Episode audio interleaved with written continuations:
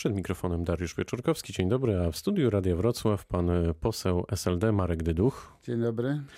Czy oglądał pan wczoraj występ Roberta Lewandowskiego w Lidze no Mistrzów? Właśnie nie, bo bardzo późno wróciłem z okręgu wyborczego i żałuję, bo dzisiaj y, na różnych stacjach próbowałem zobaczyć, jakie te bramki były, ale jak do tej pory mi się nie udało. Nie otwierają się w, e, te okienka, ale myślę, że zobaczę, bo jestem fanem Roberta Lewandowskiego. No to ma pan czego żałować, bo Robert e, strzelił cztery bramki no w niespełna wiem, 15 minut. No właśnie, czy Lewica będzie równie efektywna i efektowna w e, Sejmie tej kadencji? No, chcielibyśmy. Robert Lewandowski jest wyjątkowym piłkarzem, żeby być wyjątkowym ugrupowaniem politycznym.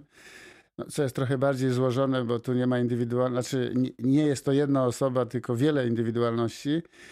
No ale jeżeli uda nam się stworzyć wspólny, wspólny front, jeżeli uda nam się wykreować jednego kandydata na prezydenta bez konfliktów, no to jest szansa, e, żeby Lewica odegrała poważną rolę w parlamencie. E, tym bardziej, że jest tam bardzo dużo dobrych i ciekawych indywidualności. A pan na boisku jest raczej napastnikiem czy stoper? Teraz staram się raczej być menadżerem, czyli osobą, która doradza tym młodym e, parlamentarzystom. Czyli selekcjoner. No selekcjoner nie, bo oni są już wyselekcjonowani, Trener. ale też nie, bo w, nie mam takiego, nie mam takiej umowy, ale jako doradca bardzo dobrze staram się w tej dziedzinie działać. Kto będzie kandydatem lewicy w wyborach prezydenckich? To zależy. No, na dzisiaj oczywiście największe szanse ma Robert Biedroń i Adrian Zandberg.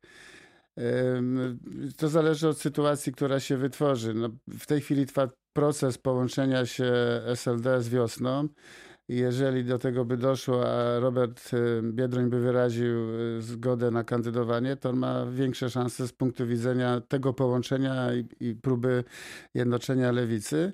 Natomiast e, bardzo poważnym, no, nawet nie kandydatem, ale osobą, którą bierzemy pod rozwagę jest oczywiście Adrian Zandberg i te dwie kandydatury na dzisiaj bym postawił na równi. To zależy od decyzji, które, które podejmie Robert, Robert Biedroń w pierwszej kolejności, a później dopiero będziemy szukać jakiejś rozmów, negocjacji, żeby wystawić innego kandydata. A prywatnie do kogo panu bliżej?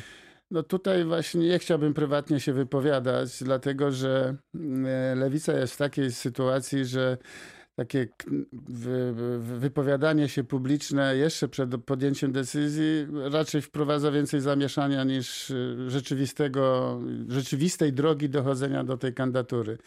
I poczekamy. Żadna z tych kandydatur y, nie jest mi obca i żadna mnie w jakiś sposób nie razi, nie, nie, nie faworyzuje jednego bądź drugiego kandydata. Uważam, że każdy z nich spełnia swoje y, możliwości polityczne, ale jednocześnie kwalifikacje do tego, żeby kandydować. A jest szansa, że w grudniu poznamy już to właściwe tak, nazwisko? Tak, myślę, że w grudniu tak będzie. Czy chcecie zostać główną siłą opozycyjną, czy może już nią jesteście? No jeszcze nie jesteśmy. Same liczby mówią, że większym klubem parlamentarnym jest Koalicja Obywatelska. A wie pan, jak to jest? To trochę jak znowu z piłką nożną. Nazwiska nie grają, liczby też nie grają. Tak, no dlatego my głośno mówimy, że za cztery lata chcemy być drugą siłą polityczną, bądź pierwszą w Polsce, mieć szansę na tworzenie rządu i Lewica do tego będzie zmierzać. Ale to nie jest cel sam w sobie, bo przecież jest wypełnienie tego celu, czyli styl uprawiania polityki, program, przekaz do opinii publicznej. To jest dość poważny proces. Ale y, my jesteśmy w sferze szans. Dzisiaj nie kreujemy się jako główna siła opozycyjna, ale też nie chcemy być stać w kącie i czekać na to, co zrobi Koalicja Obywatelska. Y, mamy swoje zdanie, mamy swój program i przygotowujemy w tej chwili około 30 projektów ustaw, które chcielibyśmy wnieść. Nie w jednym czasie, bo to y, będą leżeć gdzieś tam, ale te projekty ustaw, które podkreślają właśnie nasze dążenia programowe. Czy pana razi pan Piotrowicz jako sędzia Trybunału Konstytucyjnego? Wie pan, razi mnie coś innego u pana Piotrowicza i, i u pana, i pani Pawłowicz.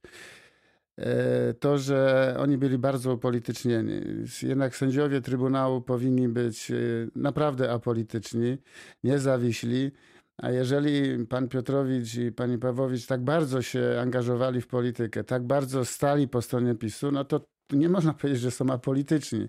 I to nas razi jako lewica, a nie to, czy był w PZPR-ze, czy, czy orzekał w stanie wojennym, bo dlatego, że to był jego ciąg kariery zawodowej, tak?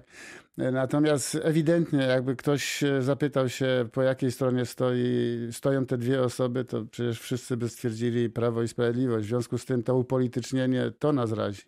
Ale wcześniej też tak było ale nie aż w takim stopniu. E, to jest oczywiście w Polsce jakoś tak wszystko e, próbujemy naciągać, łamać, gdzie były takie ciekawe, e, bym powiedział, inicjatywy. Na przykład służba cywilna w administracji.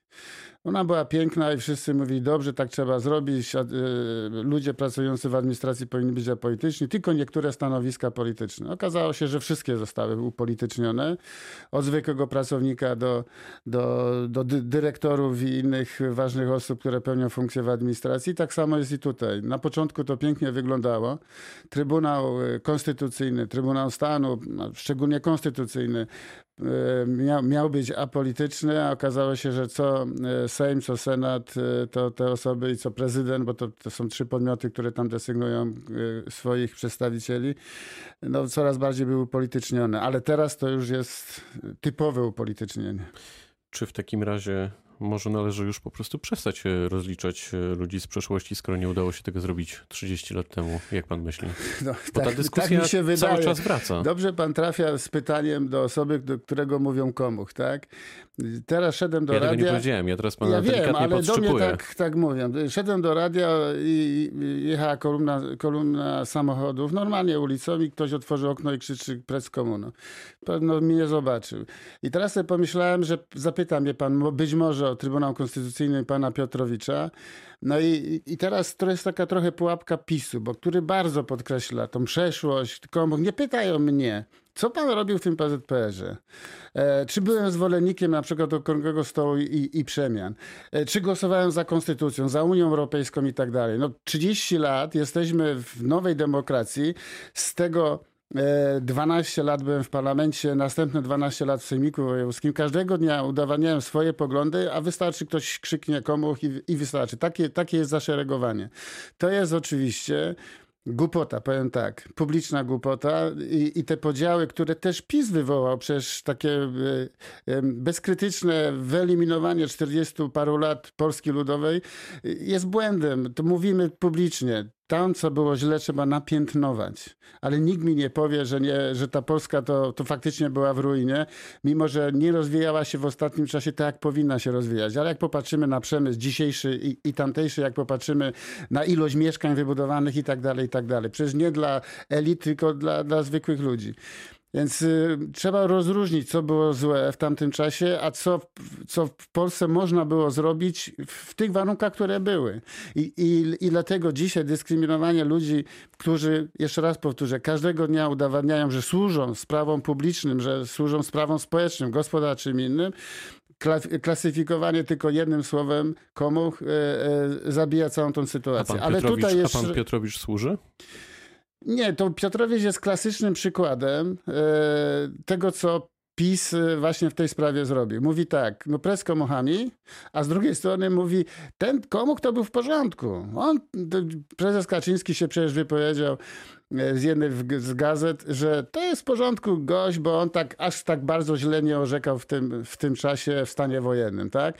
No to jeżeli chcemy indywidualnie popatrzeć, być może słusznie na tych, co robili w tamtym czasie, e, no to, to zróbmy tak wszędzie, tak? A nie mówmy, że tamten z urzędu to jest komuch, a ten to jest fajny komuch, bo, e, bo, bo nam służy, tak? Więc e, sami w, wplątaliśmy się w pewną pułapkę, która jest, bo nie można uogólniać. Zawsze człowieka Czyli pana trzeba zdaniem należałoby już zakończyć tę dyskusję po tylu Myślę, latach. że tak. Myślę, że tak, dlatego że to już się wydarzyło. To oczywiście ma znaczenie takie, jak dalej będziemy oceniać i tamten czas, tamtych ludzi, którzy pracowali dla Polski, i to, co się wydarzy w przyszłości. Czy oni mają prawo uczestniczyć w życiu publicznym, czy nie. Sąd Najwyższy zajmie się dziś protestem wyborczym, który dotyczy Legnickiego Okręgu nr 2 w wyborach do Senatu. Chodzi tam o błędne logo przy nazwisku jednego z kandydatów. Czy powinno dojść do powtórki wyborów, Pana zdaniem? A tam były bardzo zbliżone wyniki wyborcze. Jeżeli jeżeli y, y, to dotyczy kandydata, który właśnie miał logo lewicy, ale nie miał zezwolenia naszego, jeżeli chodzi o lewicę, tam bardziej polska lewica, która nie była w koalicji, firmowała go, być może to mogło zmylić wyborców. E, jeżeli sąd pierwszej instancji uznał, że jednak jest to problem, to wydaje mi się, że te wybory powinny być powtórzone z tego tytułu, bo to też jest wyznacznik, jak w przyszłości precyzyjnie określać, kto jest z jakiego komitetu wyborczego. A to zmieni siły trochę w Senacie.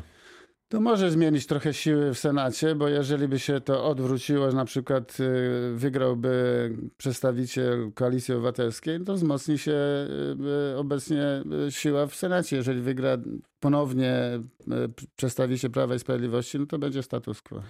Czy pani Magdalena Biejat powinna pozostać e, szefową Komisji Polityki Społecznej? No oczywiście tak. Każde wybory, jeżeli chodzi o ukonstytuowanie się komisji, było uzgadniane. Zawsze w parlamencie, bo ktoś mówi, no dogadali się tak. W parlamencie w takich sytuacjach trwają zawsze negocjacje. Inicjatywę mają ci, co mają największe kluby, ale każdy chciałby proporcjonalnie w tych prezydiach klubów być. I to było uzgodnione. Ta, ta pozycja pani e, przewodniczącej e, była uzgodniona. W związku z tym nagle ktoś się obudził w PiSie i mówi... No właśnie, co jeśli PiS będzie chciał odwołać panią posłankę? Macie jakiś pomysł? Nie, no my mówimy tylko, y, że jest kompetentną osobą i dla nas to jest wyznacznik i, i, i były uzgodnienia, że ta komisja jest dla lewicy. Y, myśmy wewnątrz y, klubu uzgodnili, że będzie to dla partii raz, razem i pani Biejad jest ich przedstawicielem, ale w tym momencie stała się przedstawicielem całego klubu i będziemy bronić oczywiście jej pozycji i tych uzgodnień, które były. Czy wy jako lewica macie podpisaną umowę koalicyjną? E, nie, mamy umowę e, ustną. ustną i to jest, powiem, bardzo dobre zjawisko, dlatego że staramy się dotrzymywać w stosunku do siebie słowa, które zostały wypowiedziane i były uzgodnieniem. Ja już widziałem wiele umów, które zostały łamane. Podpisywali wszyscy. Przeważnie się podpisuje umowy albo dla celów publicznych i pokazania, że jesteśmy razem, albo jak sobie ktoś nie ufa, to wtedy podpisuje umowę, bo musimy mieć to na papierze. Tu mamy porozumienie ustne, ale do tej pory to bardzo dobrze funkcjonuje i przestrzegamy tych umów. Tak, spotkamy się na przykład za 4 lata na koniec tej e, kadencji, a teraz podpiszemy umowę mówiącą o tym, z czego pana zapamiętamy w tej kadencji. To z czego pana zapamiętamy? z normalności, z umiarkowanej polityki, z tolerancji i z załatwiania konkretnych spraw dla celów publicznych dla Dolnego Śląska i, i na tym chciałbym się skupić. No i rzetelnej pracy, dlatego, że to jest taka sama praca jak inna. Jeżeli ktoś ją wykonuje rzetelnie, to tak ocenią to wyborcy. Jeżeli ktoś będzie się wygłupiał, to, to na swój koszt. Powiedział pan Marek Dyduch, poseł Sojuszu Lewicy Demokratycznej. Bardzo dziękuję za spotkanie. Dziękuję. To była rozmowa dnia. Pytał Dariusz Wyczorkowski. Dobrego dnia.